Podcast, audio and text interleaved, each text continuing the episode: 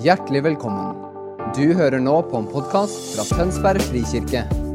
Talen er tatt opp på vår gudstjeneste søndag på Brygga i Tønsberg.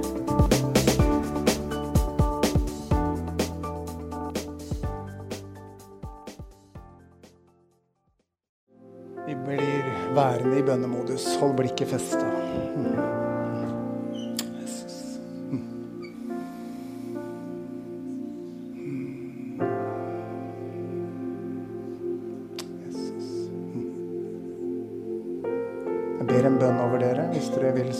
Hånda på hjertet og bare ta imot og være med. Kjære menighet. Jeg kaller på deres ånd og ber den tre fram foran deres kropp og sjel for å ta imot ifra pappa Gud det som er en sannhet ifra hans hjerte. Du er hans, og alt hans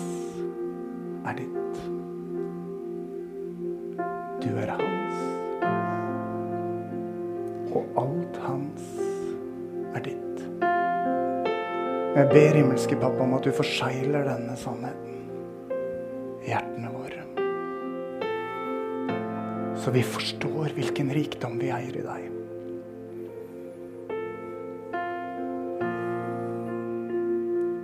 Og så vi får nåde til å leve ut ifra den sannheten. Vi har ikke mangel. Vi har overflod. Vi er ikke på egen hånd. Vi er din eiendom. Du har lagt din hånd på oss. Du har tatt oss inn. Vi er dine. Pappa Gud, må du gi oss nåde til å leve hver dag som om det her er sant. Og stadig mer få erfare fylden av din kjærlighet. Kraften i din herlighet.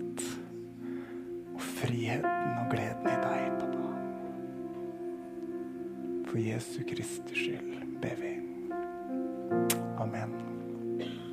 Mm.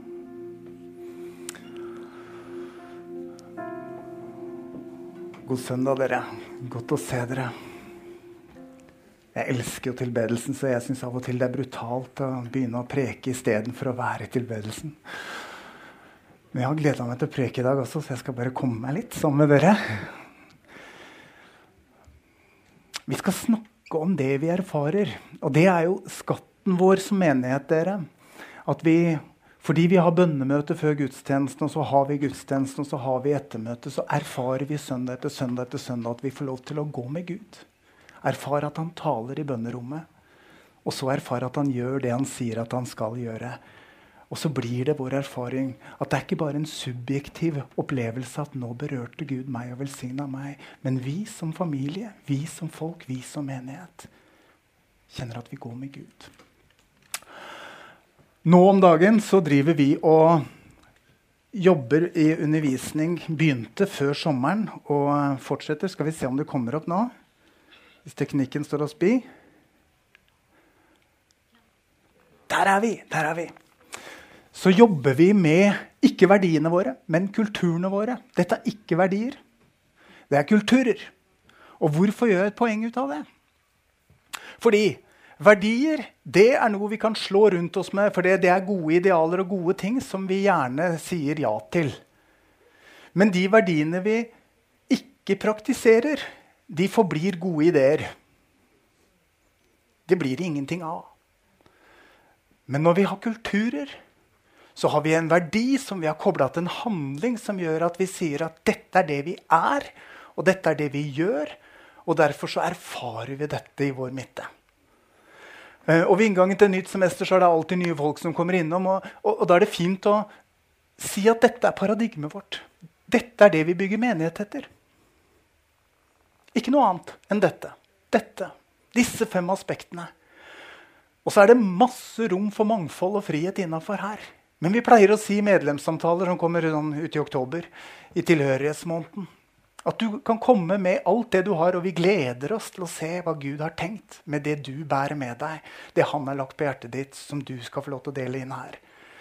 Men i tillegg til det du kommer med, så sier du når du melder deg inn her, ja til å gjøre disse kulturene til dine. Fordi at det vi holder på med her, er ikke hva som helst. Det er noe særskilt. Fordi at Gud har lagt et kall på oss.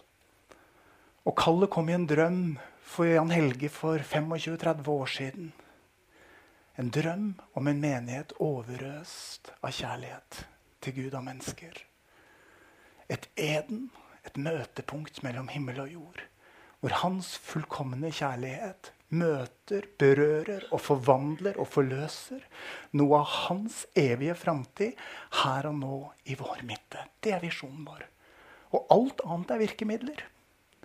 Og for å gå i den retningen så har vi jobba i bønn og i prosess over mange år med å sette disse fem kulturene på kartet fordi vi tror at hvis vi praktiserer dette, så vil noe av Guds kjærlighet bli tilgjengelig mellom oss og gjennom oss ut til Tønsberg.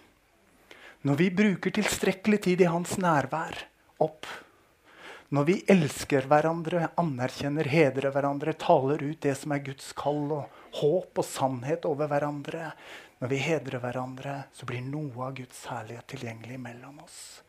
Når vi går ut i byen med godhet, enten det er godhetsuka eller det er spontan, spontane uttrykk for godhet gjennom året, så er noe av Guds kjærlighet tilgjengelig i byen vår. Og så er vi forankra i dette, i kjernen. At det springer ut at vi lar ordet skape og forme oss og våre liv.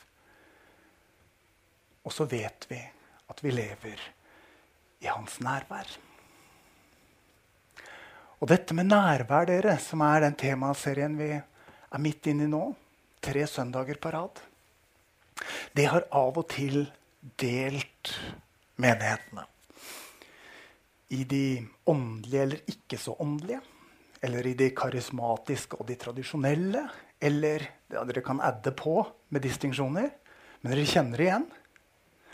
Og målet mitt i dag er å rasere alle de distinksjonene. For dette jeg skal undervise i dag, handler ikke om hva du føler. Dette handler om hva du forstår og sier ja til, og lar Han forløse og etablere i livet ditt. Og dere, vi har et for lite gudsbilde hvis vi tenker at Gud er sånn at det er bare disse rare små aspeløvene som kan fange opp Guds nærvær, og de andre vi, vi klarer oss uten, vi. Det er ikke sånn, vet du. Guds nærvær er en realitet. Forrige søndag talte Sondre så vel. Gå gjerne inn på podkasten og hør den om Guds allestedsnærvær.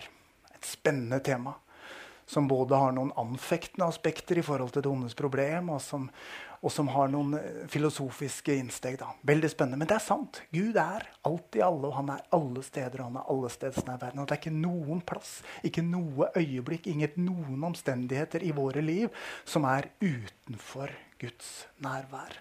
Noe av det mest helbredende vi erfarer når vi har åndelig veiledning og SOSO, det er når et menneske, en konfident, kommer med et smerteperspektiv, en erfaring i livet sitt som gjorde vondt, og så går vi inn i bønn og så sier vi, 'Jesus, vil du vise NN hvor du var da dette skjedde?'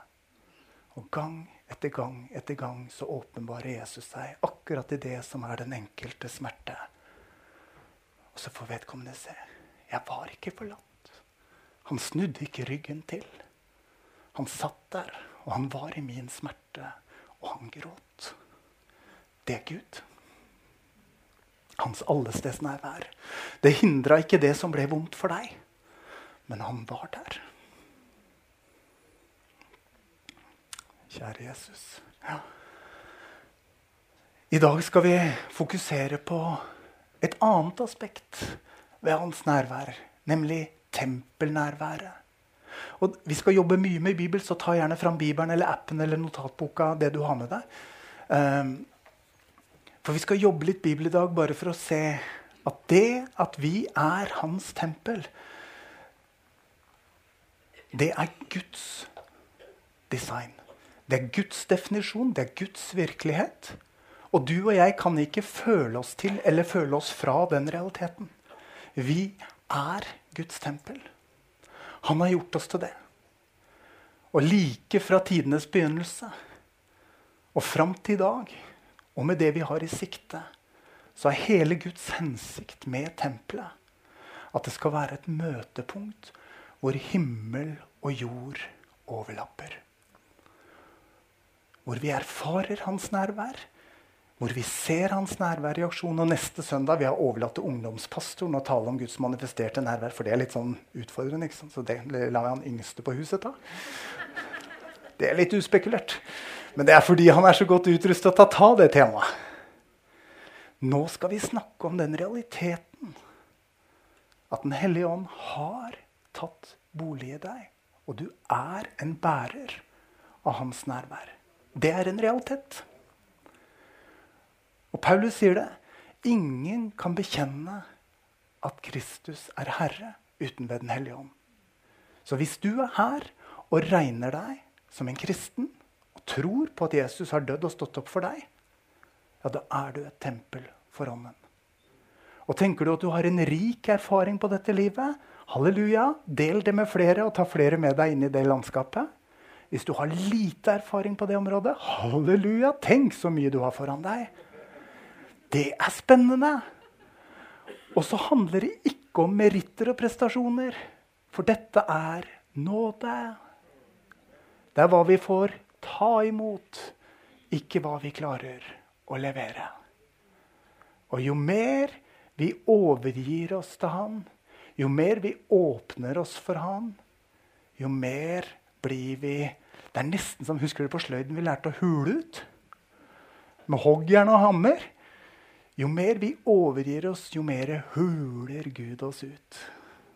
Sånn at Hans herlighet og kjærlighet og kraft kan få lande i oss. Vi er bærere av det, men jo mer vi får ta imot, jo mer kan vi forløse. Og hele poenget med tempelet det er at det skal forløse Hans herlighet.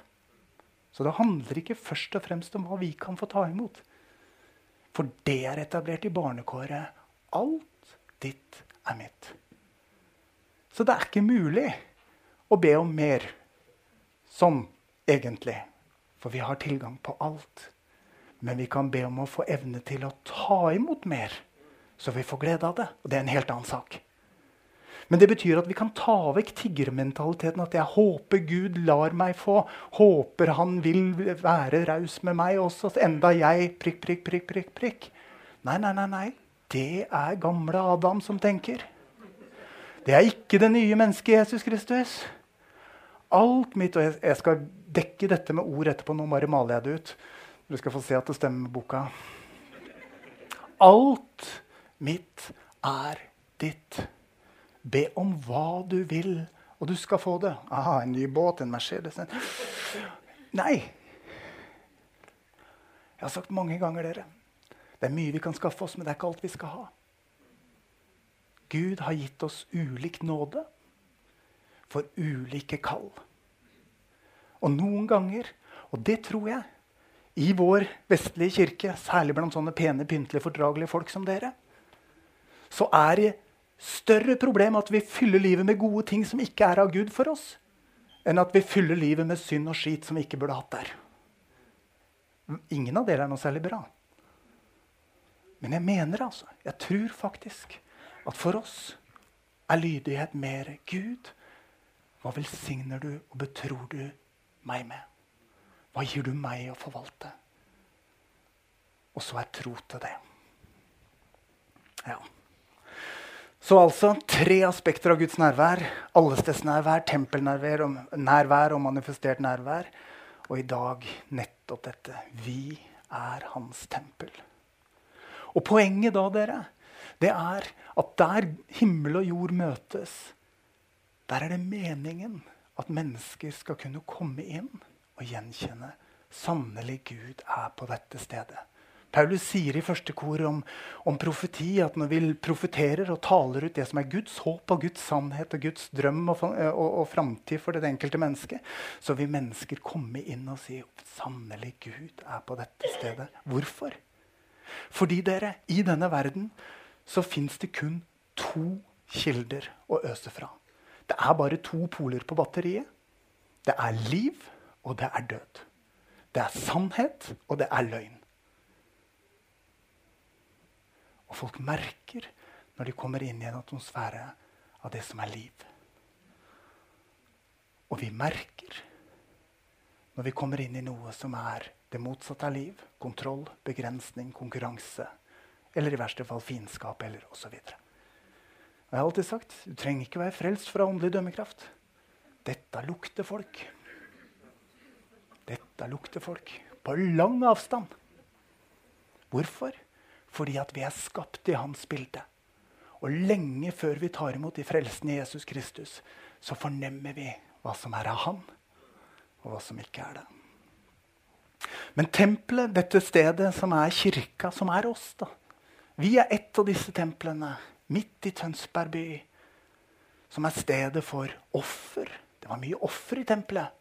Mye slakting, mye jobb i gammel tid. I vår tid så er slakteofferet beredt en gang for alle. Og offeret er lovprisningsoffer og takkeoffer. Og offer av overgivelse, hvor vi sier, 'Jesus, bli du mitt alt'. Og så er det stedet for renselse. Og Vi lutheranere vi har, jo, vi har jo litt sånn tung tradisjon å lene oss på, da, som for noen blir litt mørk med den daglige omvendelsen osv. Men vi eier det som en felleskristen sannhet. At hver eneste dag får vi lov til å ta imot ny nåde, nytt liv, fornyende, rensende kraft. Ikke fordi vi er det gamle mennesket, men fordi at livet stadig får ting til å feste seg på oss. Og vi trenger å fornyes. Og vi trenger å renses. Vi trenger at Hans nåde på nytt strømmer gjennom oss til liv. Johannes har i kapittel 4 og 7 to perspektiver på dette levende vannet, som er et bilde på ånden som er gitt oss når vi tror. Og I kapittel 4 så er det du og jeg som er i fokus. Dette vannet blir en kilde i oss som veller fram til evig liv. Ja, det er Den hellige ånd i deg for din skyld. Som sikrer at du forankres i Jesus og tas fram til det evige liv for din skyld. Men i Johannes 7 så står det at dette levende vannet strømmer ut Nei, nå, nå hopper Jeg hadde det klart, men det er rart åssen dette her blir når du tar det på sparket. Johannes 7, dere. Skal få det ordrett, så det blir riktig. Fra den som tror, fra hans indre skal det, som Skriften sier, renne elver av levende vann. Dere, det er den andre dimensjonen. Det er ment å dryppe fra oss. Det er ment å dryppe herlighet og kjærlighet, liv og glede, tålmodighet og fred, tilgivelse og nåde. Det er ment å renne fra oss, så det skal nå de andre. Det er den dobbeltheten i tempelfunksjonen. Og husk på det, dere. Når forhenget revna i tempelet, så var ikke det for at du og jeg skulle få komme innafor. Det var fordi at det plutselig var trygt for Gud å komme utafor. Så alt folk skulle få se ham. Så neste gang du trygler og ber om å komme innafor igjen, så husk på det. Du kan ikke komme mer innafor enn du er nå. Og hvis du føler deg utafor, så snakk med Jesus om det, da. For i hans virkelighet er du konstant innafor. Dekka av hans blod. Invitert inn til fortrolig samfunn. Men det er mye som kan komme vår vei og skje i våre liv, som gjør at følelsene våre forteller oss en annen virkelighet. Og der kommer den daglige omvendelsen inn. inn. Herre, din virkelighet. Din nåde på nytt. Hmm. La oss se på et par bibelord. Første dere er hans tempel. Det er altså en påstand i Guds ord. Se her i gammel tid, hvis dere adlyder min røst og holder min pakt, skal dere være min dyrebare eiendom framfor alle andre folk. For hele jorden er min. Dette er sagt til Israel, selvfølgelig. Det er sagt til Moses. Dere skal være et kongerike av prester og et hellig folk for meg. Dette er de ordene du skal si til israelittene. Det her betyr ikke at ikke Gud er alle nasjoners Gud, men han velger seg ett folk fremfor andre for at alle jordens folk og nasjoner skal bli velsigna. Det var sant om Israels sitt kall, og det er sant om oss som kristne. Og så neste, for å få det inn i nytestamentlig kontekst. Vet dere ikke at dere er Guds tempel, og at Guds ånd bor i dere? Dersom noen ødelegger Guds tempel, skal Gud ødelegge han, for dette tempelet er hellig, og dette tempelet er dere. Egentlig burde jeg dra den helbibelske fortellingen som egentlig starter i første Mosebok, kapittel 1 og 2, med skapelsen når Gud hviler på den syvende dagen og etablerer helligdagen, sabbaten, hviledagen. Så hersker han som konge, og vi i uavbrutt livsfellesskap med han. Og I kapittel 2 ser vi hvordan Gud er midt i hagen, og det intime fellesskapet mellom han og mennesket er der ubrutt. I tempelet gjenopprettes det som ble tapt i hagen, for at du og jeg skal kjenne at vi har tilgang. At vi er kobla på. Er dere med? Så de av dere som av og til i deres bønnetid starter liksom 'Kjære Gud, ta meg inn i' Nei, nei, ikke gjør det lenger. Si heller 'Kjære Gud, takk at du har tatt meg inn i ditt nærvær'. Takk, Jesus, at du har vist deg som veien til pappa Gud sitt hjerte. Takk at min barnekårsrett er å sitte på pappafanget. Takk at alt det pappa rår over, er mitt for Jesus skyld. Og så kan du begynne å snakke om han om dagen din. Da blir bønnene dine litt annerledes, nemlig. Fordi perspektivet er hans istedenfor et perspektiv av nød. Er dere med meg? Se om ikke den veien inn kan være en god vei til fornyelse i bønnelivet dere. Fordi den taler sannhet. Når vi ber om å komme inn, så ber vi ut ifra løgnen om at vi er ute. Og det er veldig lite bønn som kommer igjennom hvis det er rota i løgn. Det må være rota i sannhet.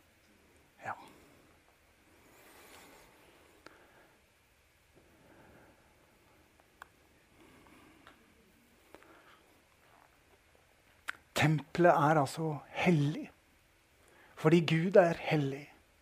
Og når han helliger deg og meg, så setter han oss til side. Han renser oss, og han innvier oss.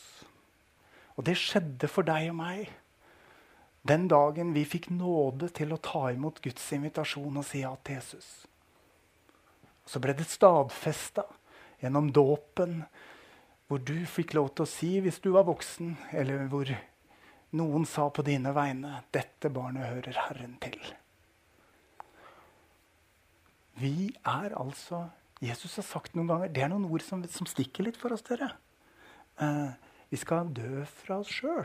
Vi skal ta opp vårt kors og følge ham. Jeg lever ikke lenger selv, men Kristus lever i meg, sier Paulus. Er dere med? Ja, det er dette. Alt mitt er ditt, sier pappa. Og du er min. Da er du ikke lenger din. Du er hans. Jeg skal pirke litt i det om et øyeblikk. Men legg merke til her i Johannes 2, første underet Jesus gjør. Og det er et tempelbilde skjult i denne teksten også. Fordi det sto altså noen vannkar der som var brukt til renselsesskikkene. Og det var renselseskara som ble forvandla til kar av vin, som peker fram imot Jesu blod, som er sonofferet. Er dere med? Så vi som menighet og vi som familier og enkeltpersoner er kalt til å være kilder til forsoning, til renselse og til ny start. Så er det ingen fordømmelse for oss når vi kommer fram og sier, 'Herre, la ditt blod på nytt rense oss, Og sette oss fri fra det som har klebra seg til oss den siste uka, den siste måneden, det siste året. Det er vår seiersvei, hvor vi lar Jesu blod på nytt gjøre det bare han kan i våre liv. Er dere med meg? Noen ganger så tenker vi sånn Rettferdiggjørelsen, det å bli kristen, det å komme til tro og bli frelst, det er bare nåde, altså. Det skjer i et øyeblikk, og plutselig er vi der. Men helliggjørelsen, det er hardt arbeid. Ja, det er en løgn til. Helliggjørelsen er bare av nåde. Og både for rettferdiggjørelsen og helliggjørelsen så gjelder det at vi må samvirke. For det er faktisk en grunn til at noen aldri blir kristne, for de sier aldri ja, som dere har gjort, til Guds invitasjon om fullkommen nåde, himmel, evighet og god framtid. Det er et samvirke. Det er bare av nåde. Men du må være med på det. Du må si ja. Og sånn er det med helliggjørelsen også. Han virker i oss og renser oss til god og hensiktsmessig bruk for sin, for det han har tenkt for livet våre. Men du må være med på det. Når Den hellige ånd stadig hvisker deg, ikke gjør det, da. Ikke, nei, nei, ikke det. Eller litt mer av det, da. Ikke bare en 50-lapp. 5000, Morten. Eller hva det nå enn måtte være. Den hellige ånd hvisker til deg ja, men det er jo helliggjørelsens prosess. Bare av nåde. Tenk at himmelens herre har så oversikt at han bryr seg med den daglige hverdagen og vandelen din. Hvordan du fører selvangivelsen, hvilke nettadresser du er på og ikke. Hele pakka. For å ta deg og gjøre feil? Nei, nei for å hellige deg, rense deg, sette deg til side, hule deg ut, så du kan romme masse av hans kjærlighet og herlighet. Sånn at denne verden kan få øye på at det er en god Gud som lengter etter dem. Og det er ikke strev, men det er noe samhandling der. Ja. 1. Peters brev 2. Men dere er en utvalgt slekt, et kongelig presteskap og et hellig folk, et folk som Gud har vunnet, for at dere skal forkynne Hans storverk. Han som kalte dere fra mørket og inn i sitt underfulle lys. Og Frans av Assisi sa at vi skal forkynne evangeliet om nødvendig med ord. Og dere, hvis Guds herlighet og nærvær får lov til å hule oss ut tilstrekkelig, så det virkelig lekker, så blir, blir, det sant, det Frans sa også. For da merker folk. Og det med deg, ja? Jeg kjenner han som elsker deg. Vil du høre om en? Ja. Fra død til liv, fra selvliv til Guds liv. Det står litt skjult, men det setter alt det jeg har sagt til nå, på formel. La oss lese det sammen. Dere var en gang døde pga. misgjerningene deres og syndene deres. Dere levde i dem på det nåværende verdensvis og lot dere lede av herskeren i himmelrommet. Det er motstanderen, by the way. Han er fortsatt aktiv. Den ånd som nå er virksom i de ulydige.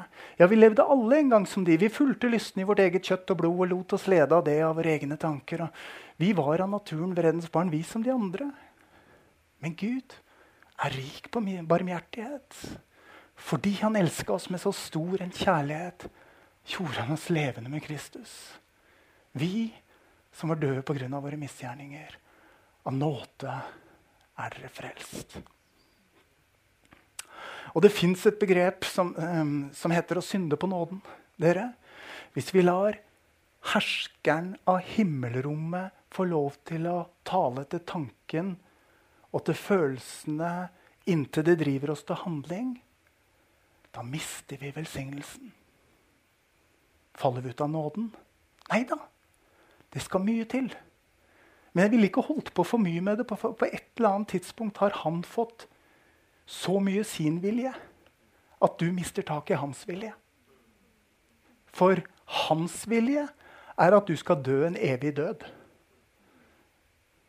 Er du med? Så det å tillate litt av det han som er løgneren, kan finne på å så inn i din tanke som en god ting, er egentlig å si ja til løgnen. Og døden. Litt og litt. Og Guds frelsesvilje er for evig den samme. Han har kalt deg inn i sitt lys og inn i sin kjærlighet og nåde. Men hvis vi står i strekken, hvis vi synder på nåden, hvis vi sier ja til løgneren, så vil løgneren få sin vei. Dere, All åndelighet materialiseres og inkarneres. Det er ikke bare Guds kjærlighet og herlighet som lander i ditt hjerte, som skaper handlinger i vårt liv, og som gjør at Kristi nåde og kjærlighet fysisk blir tilgjengelig mellom oss. Også løgnerens og motstanderens perspektiver lander i vår tanke, fødes i våre følelser og leves ut i handlinger som gjør at bror slåss med bror, nasjon slåss med nasjon. Er dere med? Den åndelige virkeligheten inkarneres på godt og på vondt. Og det er derfor Herren sier på nytt og på nytt dere er mitt tempel, som jeg har helliget, og som jeg vil fortsette å hellige. Er dere med? Ja. Åssen er jeg på tida? Det er bra. Å, jeg har masse tid igjen. Det er bra. Vi er fylt av Hans herlighet. Jeg skal gå videre, men jeg skal ta med det her. Dere, når vi er Guds tempel, så er målet at vi skal fylles av mer av Han. Det var uthulinga jeg snakka om. Når det første tempelet ble bygga, så ble det såpass at prestene måtte skygge banen. Når var sist du kom inn i kjerka og ikke klarte å gå inn fordi at nærværet var så tjukt der at du uh, Her var det et eller annet ekstra. Nei, nei det, det, spøkte med gammelt Nei, stryk den. Uh, apostlenes gjerninger. Det var ikke helt gjennomsnittlig, det, vet du. For idet det skjer, så tenker de de der folka der må være fulle. Det har de sagt om folk som er fulle av ånden før. Og jeg tar det opp bare for å si dere hvis vi ønsker å være et fellesskap som ønsker at Gud skal komme og gjøre vårt tempel til et sted hvor hans fylde og hans herlighet og hans kraft er, så må vi regne med at det ser ut som lukter, smaker og høres ut på måter som kommer til å overraske oss. Er dere med? For sånn er han. Og min bønn i bønnekapellet denne morgenen før gudstjenesten var Gud la så mye av åndens frukt spire fram i våre liv at vi kan ta imot din kraft og din herlighet, fylden av ditt nærvær, uten å gå i stykker. Det er virkelig min bønn. Fordi jo mer han kan lande her med sin herlighet, jo mer vil vi være velsigna, og jo mer vil vi bli til velsignelse. Jeg skal avslutte med dette. Det å bære hans nærvær er det som er vårt kall som kirke. Som tempel midt i verden. Som menighet midt i Tønsberg by. Når Jesus ble døpt og salva med Den hellige ånd, så kom ånden ned som en due. Og det er et godt bilde. La oss bruke det bildet et øyeblikk. Hvis vi tenker at det å være en bærer av Guds nærvær er vårt kall Og jeg håper jeg har klart å forankre oss nå på samme side at det, det er oss. Er dere med? Ok. Hvis Den hellige ånd og nærværet er som en due på skulderen din, og du ønsker at Den hellige ånd skal bli værende der i livet ditt, hvordan beveger du deg da? Er dere med meg? Da slår du ikke hjul med det første. Du begynner ikke liksom å danse og gjøre alle mulige bevegelser. Og nå kom det en fristelse til tanken som jeg forsaka. Um,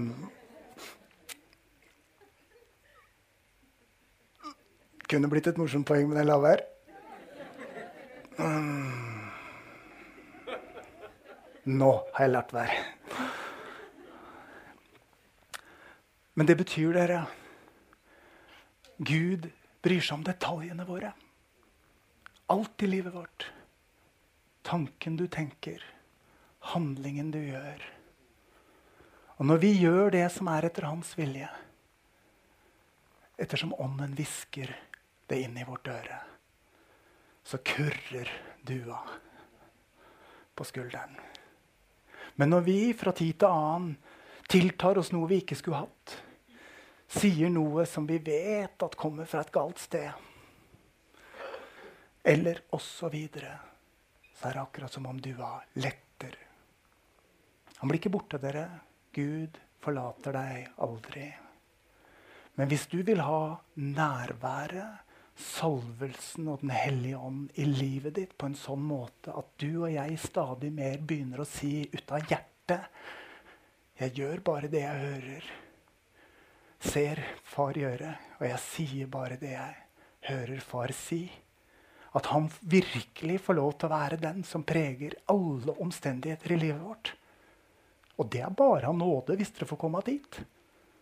Og det er ikke et fangenskap. Det er større frihet enn noen av oss har erfart det nå.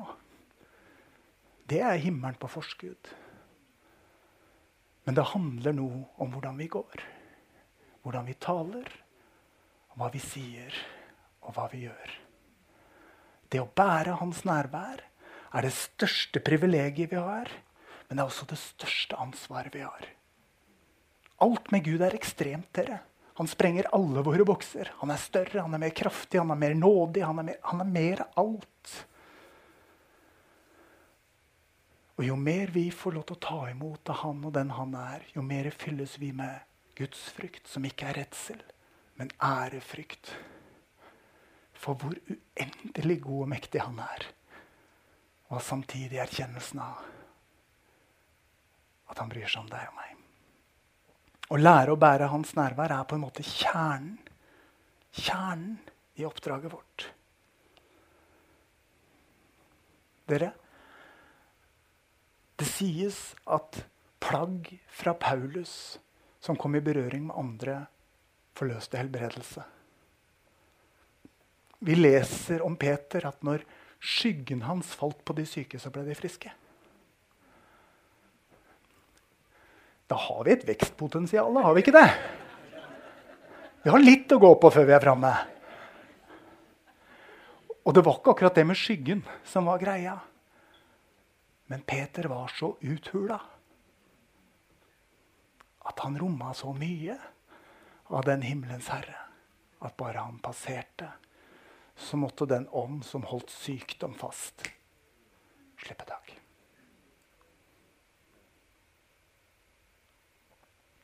Det er min lengsel. Så går det helt av seg selv. Tenk når du flagger gjennom kontora, og så er det Whiplash og Ishas og jeg vet ikke hva som bare forsvinner. Jeg tar det litt langt nå. Øyvind skal ta det lenger neste søndag. Gled dere. Men dere, det er på ordentlig. Og det er vår invitasjon til å representere han vel. Og vi klarer det ikke med bare å være så flinke vi kan og ha en etikk som er liksom to hakk bedre enn de andre. I beste fall ender det i selvgodhet. Hva er det som gjorde at Peter var så raus og så fylt? Han hadde vært så nesegrus i nederlag at han hadde ingenting igjen å skryte av. Og i det nederlaget møtte Gud med en kjærlighet som var uten grenser. Og da er det bare tynne skall igjen. da. Må ikke begynne å slå mer med hammeren der. Da går det høl. Det var så mye av himmelen og så lite av Peter igjen. Og hvis det ikke er en lovisk kravbevegelse, men en invitasjon til å slippe tak i meg og mitt, sånn at mer av hans kan bli mitt, så er vi på en spennende vei som menighetsfamilie. La oss be sammen. Eh, jeg satte opp bare noen av de sannhetene som igjen summerer opp det jeg har pregt. Den herlighet du har gitt meg, har jeg gitt til dem. Står der svart på hvitt. Noen har sagt jeg er ikke helt Jesus heller. Nei, dere er mange flere. Og alt det Jesus hadde, er vårt. de skal være der jeg er. Vi er satt i himmelen med Kristus. Vi trenger ikke be om å få komme inn. Vi er inne.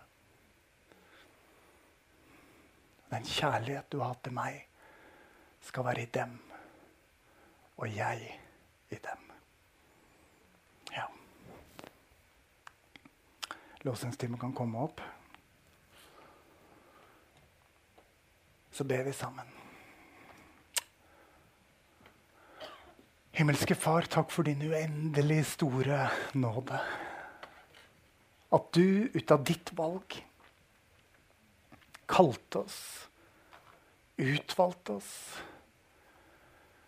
frelste oss og satte oss til sida og helliga oss for at vi skulle være bærere av ditt nærvær og din herlighet og din kjærlighet. Kom og fyll oss, Herre, med ditt skapende nærvær. Plukk av oss og sett oss fri fra det som ikke er til ditt behag. Og fyll oss med mer av din kjærlighet og din herlighet. Sånn at våre liv kan bli en velduft for deg. På skolen i byen, på arbeidsplassen i byen, på torven lørdags formiddag. Herre, vår frihet er i overgivelse til deg. Ha din vei med oss, Herre, som enkeltmennesker og som menighet. I Jesu navn. Amen.